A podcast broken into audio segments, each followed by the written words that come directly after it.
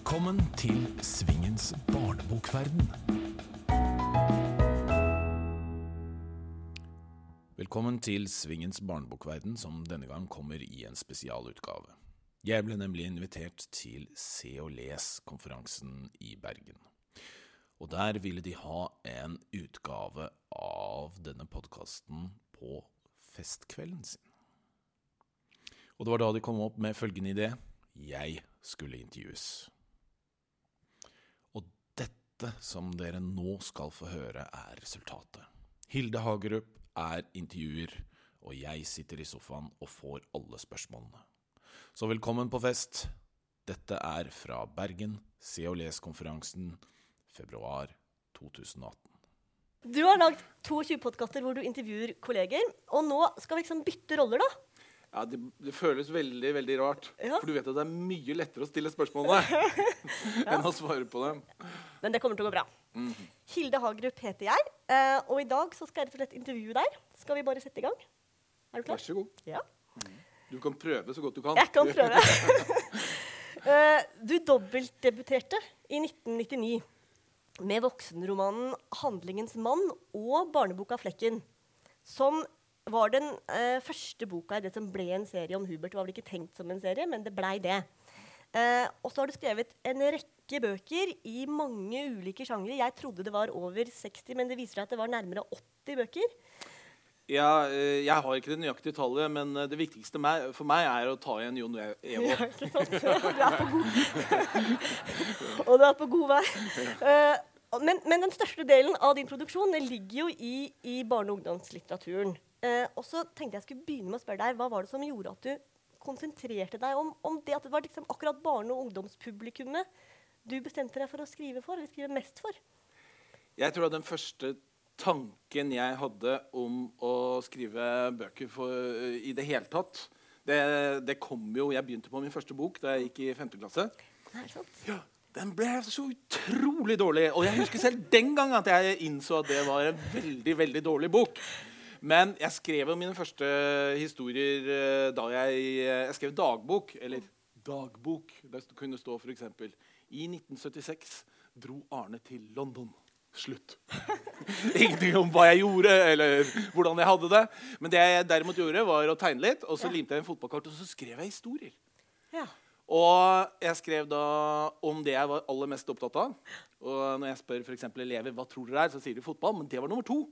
Og ingen i den norske skolen noe sted har klart å gjette hva jeg var mest opptatt av da jeg var på deres alder. Og det var cowboyer. Så jeg skrev cowboyhistorier. Og så leste jeg veldig mange bøker, og da kom den første tanken når jeg leste de bøkene jeg virkelig mislikte ja. om at kanskje jeg skulle skrive de bøkene som jeg selv syns jeg mangla. Ja. For jeg var nok en ganske vanlig gutt på mange måter som trengte litt eh, spenning, litt eh, enkle historier eh, for å komme i gang med lesing, lesinga. Og så blei du liksom inspirert av det du ikke likte? Ja. Ja. Jeg kan gjøre Ja. det. Ja. Ble jo inspirert av det jeg likte òg, for Ja, det likte jeg, og det syns jeg var kjempebra. Men det er klart, det der med at Herregud, skal dette være spennende? Dette er ikke spennende i det hele tatt. Det er mysteriet på bestemors gård og forsvunnet gås. Nei, jeg vil ha noe mer! Ja. Ikke sant? Så kult. Og så eh, eh, tenkte jeg på de, altså særlig kanskje Marg og Bein-serien, som du har skrevet sammen med Jon Evo og Ingunn Aamodt, eh, og bøkene i Svingens mørke verden. Eh, hvorfor blei det skumle bøker? De henger litt sammen med det samme. Altså, det var det jeg følte jeg mangla. Og også den gang vi satte oss ned, eh, Jon Ingunn og jeg, så satt vi og tenkte på skal vi gjøre noe sammen. Så så vi jo eh, to ting. For det første så var jo da de fleste, var egentlig alle serier som fantes i forlagene, de var aldersbasert. Ja. De hadde liksom en, eh, de kunne hete 10 til 12, eller var leseløver, eller det var forskjellige sånne ting. Og så så vi helt klart at det var en mangel på den type litteratur. Og den type litteratur som hadde på en måte en slags norsk forankring, eller som var på en måte historier som uh, norske unge kunne relatere seg til. Så det ga seg jo egentlig litt selv. At vi da hadde en serie som ikke ga noen aldersgrense for hvor gammel eller ung du måtte være for å, bare når du hadde lyst til å lese den. Og så skrev vi de historiene vi eh, følte for. Og så var det vel i tillegg det at vi følte at vi noen ganger kunne ja, pushe grensene litt. Grann. Ja. Og når vi gjør det, så blir det alltid de mest populære bøkene. Ja, ikke sant? Fordi når jeg, når jeg har lest de um, eller, altså Mange av de minner litt om sånne der vandrehistorier. Nesten som du liksom er tilbake i teltet med lommelykten ikke sant? Som, som, som barn. da. Og, og, og, og, de historiene eksisterer jo i en ganske sånn voksenfri sone. Eh, og kan være ganske hva skal jeg si, mørke. da. Eh, hva, hva, sier barna til dere de, når de er, som har lest de, de, skumle bøkene som du sier blir populære? Altså, jeg opplever jo en helt annen måte å komme på klassebesøk enn ja. det jeg gjorde tidligere. Ja. Fordi den populariteten er så ekstremt stor, og så ble den så veldig sånn fokusert på meg sånn rent personlig også i, Svingens mørke verden. For det, er jo til og med en logo uh, hvor uh, hodet, hodet, mitt er. Ja. Og selv om, jeg, selv om jeg får dem til å gjette, da, er, så er de veldig usikre på om det er meg. For det ligner jo ikke helt. og sånn da. Så, men eh, så er vi til slutt enige om at det er meg. Men etter midnatt. så eh, jeg råder dem til ikke møte meg i en eh, bakgate sent på kvelden, for da ser jeg sånn Oi. ut. Er det sant? Mm. Å, så gøy. Mm. Og da ble det selvfølgelig Da er det litt sånn uh, Noen steder i hvert fall så er det litt sånn rockestjerne som, ja. som man ikke opplever med bøker ellers. da. Mm. Og så er det veldig, veldig mange som leser det. Ja. Og så er det veldig mange som leser det som ikke får lov å ha det hjemme. Er det sant?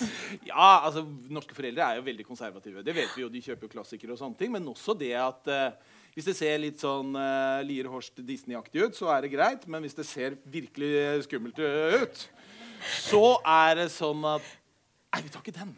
Ja. Nei. Mm. Men uh, vent litt, jeg skal i butikken ved siden av og kjøpe et uh, spill med 18-årsgrense til 12-åringen. Det går ja. helt fint. Ikke mm. sant? Er ikke det rart? Hvorfor er det sånn? Ja, det har jeg lurt på. det. Ja. Jo, det, jeg tror at en av grunnene er at foreldre og besteforeldre kommer inn i en verden de kjenner i mm. bokhandelen. Mm. Her har vi vært før. Disse bøkene har vi lest. Ikke alle. Ikke de nye der, men vi har lest noen av de andre her. Mm. Og da tenker de at dette vet vi noe om. Mm. Her følger vi ikke nødvendigvis ønskelista, men det gjør vi når vi kommer til spillbutikken, for det vet vi ingenting om. Mm. Mm. Så jeg tror at uh, norske foreldre er ekstremt konservative der. Jeg opplever ikke at for de er det, bibliotekarer er det, eller de, nesten ikke lærere heller. Nei. Så foreldrene er nesten den største stengselen for at uh, mye leselyst, særlig blant gutter, for veldig mange av de er opptatt av uh, spenningslitteratur. Jenter også, men særlig gutter. Ja, mm. ikke sant? Vi skal komme tilbake til det med gutter oi, og lesing. Oi. Er det greit? Ja, det, ja, jeg håper jeg. Ja. Eller nei? Hvor lenge skal du holde på? ikke lenge. men jeg har lyst til å spørre deg, for at, uh, skjønner at her på Svingens barnebokverden så har vi så har vi noen gjestespørsmål. Ah, ja. Jeg husker og, det var noe ja. sånt. Ja. Mm. og det første gjestespørsmålet tenkte jeg vi kunne ta nå, for det er fra Ingunn Aamodt. Eh, og hun sier Hei, Arne. Av alle turene vi har vært på med marg og bein de siste ti årene, hvilken tur eller episode har gjort mest inntrykk på deg? ja, um, det har jo faktisk med Ingunn å gjøre. Fordi Ingunn hun er jeg vil si nesten ekstremt opptatt av litt sånn luksus og veldig sånn konkurranseforhold til å få f.eks. det beste hotellrommet. så det er liksom en sånn greie. da, liksom, Og veldig ofte så har nok Jon og jeg vært flinkere til å liksom få bedre hotellrom enn henne. Jeg vet ikke om det jeg har noe med at veldig mange resepsjonister er kvinner. og vi liksom, ja, har du et hyggelig rom og sånn, sier vi. Ja. Så fordi vi gjerne skal, vi skal jo bo her en hel uke, og så får Ingunn sånn lite kott. da, ikke sant? Vi, men Det har skjedd noen ganger. Men det, så skulle vi en gang til Odda. Og da var det sånn at uh, Ingunn var, var litt syk. Og så hadde hun eh, rett og slett at nå visste hun hvordan dette hotellet hadde vi bodd på før. det var Hardanger hotell, Og hun hadde vært i kontakt med ledelsen der om at hun skulle få et bra rom denne gangen hvis hun tok hele den turen. For det, Odda herregud, det er jo åtte timers kjøretur. altså det er jo Uansett hvordan du drar dit, så det, tar det jo innmari lang tid. Så det, du, Med fly til Bergen så liksom, Ja, du veit. Det hjelper jo ikke noe. Eh, men i hvert fall, eh, poenget er at når vi da kommer fram så er hun glad og lystig og har jo blitt lovt dette fine rommet. Så kommer vi opp og så ser vi inn på rommet til Jon, og det er jo ganske fint. Det er det jo. Og så er jeg den neste som låser opp. Og så Ja, vi har fått et ganske fint rom, jeg også. Og så går da Ingunn videre nedover, nedover gangen. Og så låser hun opp, og så hører jeg bare et sånt hyl. For det, altså Jeg må si en ting, og jeg har bodd på mange hoteller i Norge, men jeg har aldri opplevd et rom som er helt L-formet. Og det er sånn smalt som en gang, og så er det sånn i enden der sånn, så er det en seng, og så ser hun rett inn i en steinvegg. Å, herregud. Og Jon og jeg vi klarte ikke å slutte å le. Og vi, vi sa at vet du hva, ta bytt med en av rommene. dere? Det var det? da nekta hun, da var hun sur. Og i tillegg ble hun sjuk, og så hun ble liggende det meste av Odda-oppholdet på det rommet. Stakkars. Ja, Ja. ja, så nå får hun tilbake for det spørsmålet der. Altså, så, det så lurt var det å stille det. Nei, takk for det. Men Arne, vi, vi må snakke litt mer om det med, med gutter og lesing. For det har du alltid vært opptatt av. Mhm. Du har til og med laget et manifest for mange år siden sammen med Sverre Hedmo og, og Reidar Kjeldsen. Hvorfor er det så viktig å få gutter til å lese? Og det, det er det mange grunner eh, til, men det er et stort samfunnsproblem at eh, gutter er dårlige til å lese. Altså, det er jo, vi ser jo nå at uh, veldig mange jobber blir automatiserte, og det er veldig mange av de jobbene som gutta vanligvis tar. De gutta som er litt dårlige til å lese fordi det er jobber hvor de ikke trenger på en måte å beherske det i særlig stor grad. Så det blir flere og flere jobber hvor du faktisk må kunne stave og gjøre deg forstått på en skriftlig måte. Og jeg mener at den beste veien inn der er uh, gutta. Vi så jo nye tall nå fra f.eks. ungdomsskolen, hvor det største karakter... Altså, jentene er jo bedre i alt, bortsett fra gym. Der er vi faktisk eh, gutta uh, litt bedre. Og så er det da minst forskjell i matte. Men aller, aller størst forskjell i norsk. Og det er jo det faget som på en måte jeg relaterer meg til, og, og litteraturen og sånne ting. Og der eh, er det jo ikke noe tvil om at veldig veldig mange gutter som uh, sliter med å lese. Og de trenger tøffe bøker som gjør at de kan komme ganske tidlig inn, som, som er enkle å komme gjennom. Ja, Den der seieren ved å ha lest en hel bok er utrolig viktig. Ja. Og da syns jeg det er viktig noen ganger å skrive de litt enkle bøkene som gjør at du faktisk da kan komme med Mm. en Mørke verden-bok under armen, og så er det ingen som ler av deg. Mm. Fordi du leser en så barnslig bok. De ler faktisk ikke av deg selv om den er veldig tynn. Mm. Fordi de er ganske tøffe, og du kan lese dem ganske høyt opp i alder. Mm, Så Det er på en måte hele mitt motiv med den serien der.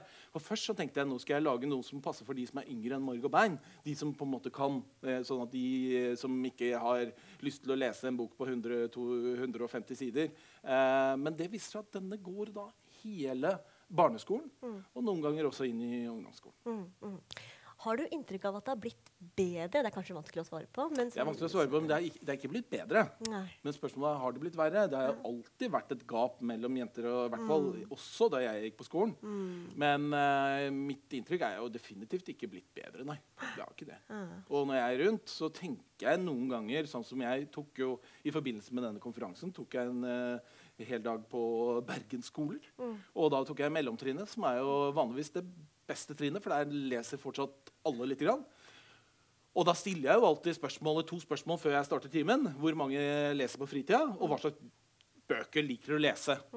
Og jeg må si at jeg syns det var veldig få hender altså, som var oppe på det første spørsmålet her i Bergen. Ja.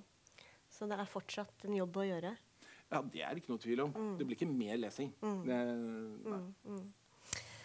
Samtidig da, så, så rommer også forfatterskapet ditt eh, hvis det går an å si, altså bøker som, som når lesere med mer leseerfaring. Eh, sånn som eh, den eh, prisbelønte sangen om en brukket nese. Den vant til og med en pris i USA. Eh, eh, og eh, sier du, når du tenker på hovedpersonen, sier du Bart eller sier du Bart? Jeg sier Bart. Du sier Bart, ja. Bart, ja. Bart. ja for han er, han, Ja. er, han er norsk. Det er, som, det er som den her. Ja, det, er det, det står jo det. Men. Og han, han representerer jo et, et utenforskap, og, og det er ganske alvorlige undertoner og ganske alvorlig tematikk i boka. Mm. Samtidig, eh, så det som, som jeg syns var så imponerende, er at det er jo ikke en tung bok. Eh, eh, hvordan, hvordan jobba du fram den boka? Hvordan fant du den tonen og den karakteren? Ja, altså Du sier at det ikke er en tung bok. Jeg syns kanskje det finnes en, en god del tunge barne- og ungdomsbøker fra før. Så Ja. jeg har tenkt at jeg ikke skal bidra altfor mye til det. Men samtidig så har jeg lyst til å skrive om alvorlige temaer. Ja. Og så tenker jeg den der lille lettheten eller den der befriende latteren kan bety ganske mye. da. At uh, det faktisk midt i all tristessen så vil det alltid være noe som er morsomt. tenker jeg. Noe som er litt rart, og noe som er underfundig, og som man kanskje kan le litt av. Samtidig så er det veldig morsomt å skrive. da. Det er jo det, De morsomme delene. Det er jo det som kanskje gir meg aller mest det der å kunne finne på en eller annen god liten dialog eller en liten episode som, eh, som lysner opp. da. Men var det en bok som du hadde planlagt? Eller var det du vet, den der planlagt Ja, akkurat- eller instinktskrivinga, liksom? Ja, ak akkurat sangen om en brukket nese var litt rar. fordi eh, den begynte jeg på jeg tror fem år tidligere. Altså, Nå kom den ut i 2012, så la oss si at jeg holdt på sånn 2006-2007. Så holdt jeg på med den og, og skrev et uh, stykke, og det fikk jeg ikke til. Ideen var, var det samme, men mm. fikk det ikke til. Og så kom det da antagelig en eller annen gang i 2011, så tenkte jeg at jeg kanskje skulle ta det opp igjen. Og da gikk det utrolig radig. Nesten uten motstand. Og den boka som er der eh, Ikke for å si noe negativt om forlaget mitt, men det er, er ikke mye som er gjort med den. altså. Det er liksom, den, eh, det, det er noen ganger så bare sitter det. Og det er, det er ikke alltid det er sånn, men eh, noen ganger så er det et eller annet som faller på plass. Men så er det mange som har spurt meg, da, i og med at det er det, liksom, den største sånn, internasjonale suksessen min, så, så spurt meg så, om jeg så det. Overhodet ikke. Overhodet ikke. Jeg kan ikke se at den var noe bedre enn den forrige eller den som kom etter. eller noe som helst. Det er helt umulig for meg å se. Uh, men det er jo hyggelig. At noen, men de så det med en gang, redaktøren min på forlaget, at dette var noe annerledes eller noe mer spesielt, mente de da, enn det jeg hadde skrevet før. Mm, det er en veldig fin tone i den boka. Jeg liker kjempegodt. Um, um, men jeg tenkte på en annen bok også som, som har blitt filmatisert. Den boken om uh, Modulf, 'De tøffeste gutta'. Den, han er jo også en karakter som ser ganske lyst på livet, i hvert fall til en viss grad, i, i- tatt i betraktning den situasjonen han, han lever i. Hvordan, hvordan var det å se ham på film? Ja, det tok jo ti år fra boka kom ut. Og jeg tror de tok eh, opsjon ganske tidlig til filmen ble realisert. Så det tar tid å lage film i Norge. Det er ikke noe tvil om. Jeg tror jeg har solgt opsjon på sikkert 10-15 andre bøker som ikke har blitt noe. Så det er jo ofte eh, det som, som skjer, da. ikke sant? Det er det vanlige. Så da var det jo en liten overraskelse at det faktisk ble noe. Og det er jo hyggelig. To eh, tredjedeler av den boka er ganske lik som Nei, av filmen er ganske lik som boka. Siste en tredjedelen er ganske radikalt annerledes. Så eh, da gjorde man andre filmatiske valg for at den historien skulle fungere. Og du var ikke involvert i verken manusprosess eller Nei, jeg, jeg fikk lov å lese, og sånn, men jeg, jeg trekker meg litt tilbake. For så fort jeg begynner å bli, involvere meg veldig, så blir jeg bare frustrert. Og det vil jeg ikke ha. Nei. Som vil jeg ikke ha det i min hverdag. Nei, ikke sant. Så du, det var et bevisst Du hadde ikke lyst Du gjør ikke det. Nei. nei. Mm. Men det Men, men uh, mm. Øh, Jeg tenkte kanskje vi skal ta et gjestespørsmål til. Oi, Skal vi gjøre det? ja, er, det, er det Jon Evo denne gangen? Ja, ja det er Jon Evo. det. For han har et veldig fint spørsmål, han òg. Han lurer, Jon lurer på Husker du hvordan det var å være barn og tenåring? Og er det noe du kan bruke når du skriver? Jeg tror, ehm, jeg tror svarene er eh, ja og nei. Mm. Jeg tror ja. Jeg eh, husker det ganske godt. Mm. og kan sette meg inn i episoder og hendelser og nesten føle at jeg er til stede.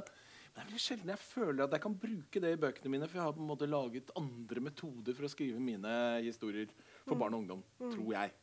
Men så ligger det sikkert noe av meg selv der eh, likevel. Men hva er de metodene? Er du en sånn som planlegger strukturen på forhånd? Er det noen Ja, jeg har nok en klar plan, særlig hvis jeg skal skrive en spenningshistorie. Ja. Men hvis jeg eh, skriver en annen type historie, så kan det hende at jeg har en god plan på hvor jeg skal ende opp. Ja. Og så må jeg finne en eller annen litt kronglete, rar, morsom vei for å komme dit. Mm. Og så kommer jeg dit, og så viser det seg at det ikke passer. det er veldig vanlig. Så den ene fine tingen jeg har planlagt, den går rett i dass. Det, er, eh, det har skjedd flere ganger. Hvordan veit du om noe passer eller ikke? Det er en følelse, og det er særlig en følelse når jeg begynner å lese gjennom det. Og så må ta den der, herregud, jeg tenker Hvis folk bare kunne lest den første versjonen av bøkene mine, det hadde vært så flaut. Det er så mye rart der. Men så begynner jeg å pusse på det. Så begynner jeg på en måte å file på ting og så få ting til å he henge, henge sammen. For jeg er nok ganske god på måte, å plotte ting. Det er jeg nok. Så har jeg andre svakheter, og de kan jeg ikke fortelle noen om. Så det, men ja, ja. Mm. Um, Jeg har lest et intervju med deg et annet sted. Ja. Nei, hva har jeg sagt for noe? Ja, nei, det var fint, det. Men du, snakket, du snakka om det med litterære forbilder, og så nevnte du Roald Dahl. Mm. Og så sa du også at det var en bok du leste som barn. Ja, som, Som- jeg som ikke klarte å finne igjen Ja. da det ble rydda ut hos mine foreldre i forbindelse med en flytting. Ja. Ja. Eh, gjorde det. Eh, vi, jeg, de fleste jeg har snakket med, tror at det er Sinkens Hopp, Sinken Hopps uh, Trollkvitte. Nemlig. Ja. Ja. Men jeg er ikke sikker. For jeg hadde en annen versjon i så fall enn den uh, som jeg har funnet siden. Men, eh, til- men, men jeg tror at det er mer følelsen jeg husker. Det Ja. med å lese noe som er overrasket og uforutsig, uh, som overrasker meg hele veien, og som Mm. er veldig uforutsigbart. Og det liker jeg litt med sånne historier. At jeg tenker at Hvis jeg har eh, holder på med noe, og så tenker jeg at dette er den mest naturlige løsningen Nei, hva hvis jeg gjør det motsatte? Ja. Skal vi se. Ikke Hvordan sant? funker det? Kanskje det kan uh, være en uh, løsning på denne historien. Ja. Og da skjer jo andre ting. Ja. -huh. Ikke nødvendigvis bra ting, men Har du andre litterære forbilder? Eller, eller forfattere du leste da du var barn sjøl? Oh, ja, jeg leste jo veldig mye, da. Det gjorde jeg jo. Eh, jeg, jeg leste jo Altså, jeg, jeg må jo komme, komme Det er mange man ikke kan komme unna, men, men av, gjennom det hele Jeg vil likevel nevne Tor Åge Bringsvær. Fordi eh, jeg leste ganske tidlig en del av science fiction-historiene hans. Og jeg har lest veldig mye annet han har gjort. Og så og så tenker jeg bare, Selv om jeg aldri har skrevet dikt, altså bare morovers til eh, André Bjerke. Utrolig eh, betydningsfullt. Og jeg har også brukt uh, veldig mye siden. Og jeg liker liksom det der å kunne skrive uh, Eller å kunne nærme, altså De er jo egentlig sanger. Noen ganger For dattera mi satt jeg og spilte gitar mens jeg, jeg sang de der uh, versene der. sånn. For du, ja, for du er jo opptatt av musikk også. Det er vi Ja da, Jeg sitter og spiller musikk veldig høyt når jeg jobber hele tiden. Ja. Ja. Ja. Så jeg hører andre som har stillhet, og det er sikkert fint, det, men det funker ikke for meg. Du må ha musikk på. Mm. Ja. Så jeg kan ikke sitte i sånn kontorfellesskap eller Nei. på loftet på Litteraturhuset, eller noe sånt, for da vil jeg bare forstyrre andre. Så jeg må ha et litt rotete kontor med masse musikk eh, i leiligheten. Hva hører du på? Nei, jeg hører på veldig mye forskjellig. Ja, og da kan jeg sitte og høre på nye ting, f.eks. Og det er veldig rart at du liksom kan Jeg kan sitte og følge med på den musikken samtidig som jeg jobber. Det, og så er det noen ganger som musikk kan også være forsterkende. Det der å kunne ta fram noe som jeg vet er veldig bra, og som passer til det jeg holder på med nå, det kan være fint. For å liksom Ja, før så hadde jeg en metode at eh, klokka ble som uh, var det Tennessee Williams som sa 'five o'clock angel'. Det var da han kunne begynne å drikke. Ikke Ja. Så jeg hadde en sånn metode at jeg kunne ta et glass vin når det begynte å nærme seg fem. for da begynte jeg å bli sliten, Og så fikk du en sånn liten opptur som varte to glass vin, og etter det måtte du bare gi opp. Men jeg slutta med det. Så nå eh, har jeg, bruker jeg heller den metoden at jeg kjører på noe eh, litt høyt, litt sånn ekstra på slutten av dagen, og så får jeg likevel gjort noe da. For jeg jobber mye bedre etter lunsj. Ja, Mm. Du er jo en prisbelønt forfatter og, med mange historier å fortelle. Og, og, og det var liksom ikke åpenbart at du skulle lage en podkast for å løfte fram kolleger og snakke om andre folks forfatterskap. Mm. Eh, hva gjorde at du fant ut at det, liksom, det vil du bruke tid på? Og ganske mye tid, for det har blitt én i måneden. Ja. Hva var det som gjorde at du starta det? Nei, Det var to grunner. Det ene var jo det at jeg, jeg ble egentlig litt sånn Altså, det er veldig fint Det er veldig lurt å provosere meg. Hvi- Hvis man provoserer meg, så, så, så gjør jeg et eller annet med, med en gang eh, med det. Og så har jeg tenkt på dette at jeg driver og sett på litteraturprogrammet på NRK, og jeg har uh, hørt på det som er på radio, og sånne ting, og så er det jo, så er det jo nesten aldri barnelitteratur. Det er jo det. Og disse forfatterne får jo da ikke muligheten til å snakke om sitt virke på samme måte som vi ser voksenbokforfatterne får jo ofte veldig mye tid og snakker litt sånn høystemt og selvopptatt om eh, bøkene sine. Mens jeg syns at barne- og ungdomsbokforfattere har en litt annen tilnærming til å prate om bøkene sine. Som er litt mer sånn jordnær og Ja, jeg får jo ikke prate om dette så ofte, men det er jo dritgøy å få gjøre det nå. Og så syns jeg det er skam at Norge, som har så mye spennende barne- og ungdomslitteratur, ikke har et eget program. Ikke på radio, ikke på TV, ikke i magasinsform.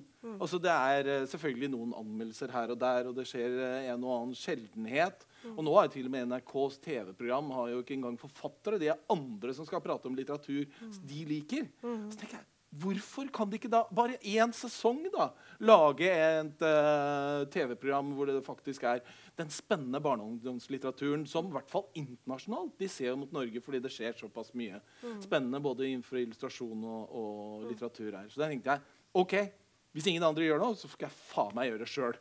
Og så passer det jo én ting til. Og det er at jeg blir litt gæren, og særlig i perioder hvor jeg nå ikke reiser så mye på turné. Fordi jeg ble litt lei av kinarestauranter og triste hotellrom. Så Sånne L-formene. ja, ja. ja, men det var hyggelig når vi dro med Jon og Ingunn, for da var vi tre. Da kunne vi liksom, det, var, det var noe helt annet. Når du drar aleine, det er noe annet. Så, så tenkte jeg at eh, nå gjør jeg det mindre. Og nå eh, trenger jeg på en måte en slags avveksling. Jeg trenger å gjøre litt, eh, litt andre ting også enn å bare sitte inne og skrive bøkene mine. Så jeg tror egentlig det hjelper på min egen effektivitet. Det der å ha noe annet som jeg må jobbe fram mot.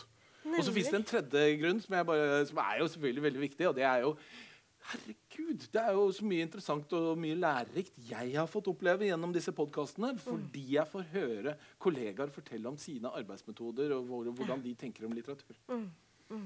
Så det har vært uh, moro. Stort sett, da. Det har jo vært noen som har avlyst rett før. Og det er, det er jo alltid noen du vet, ikke alle forfattere som er så ryddige, men bemerkelsesverdig mange. Det er det. Og alle sier jo ja!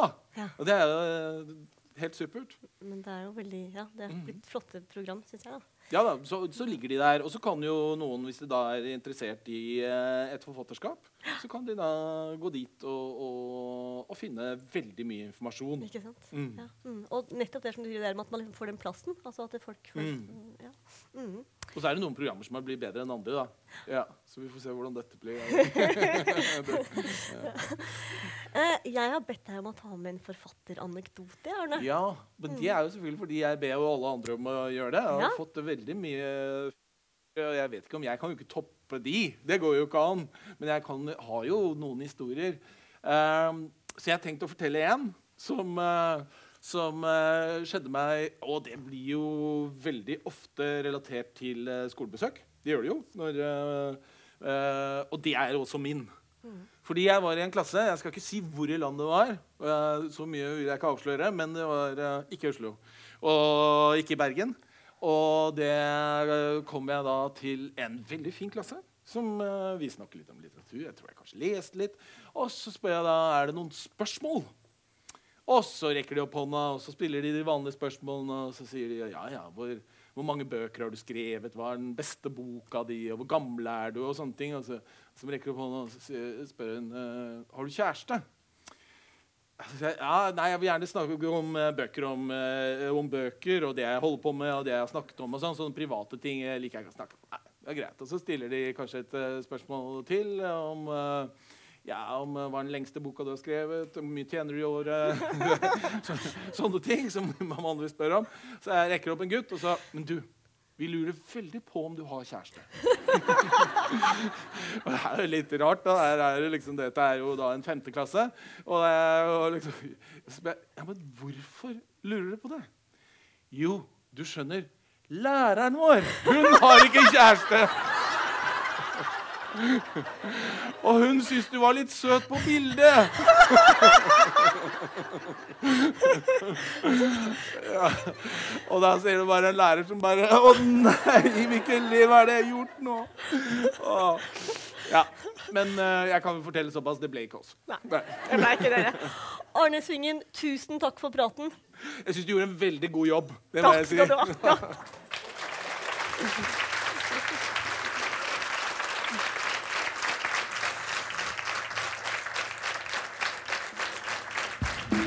har hørt på Svingens barnebokverden med Arne Svingen.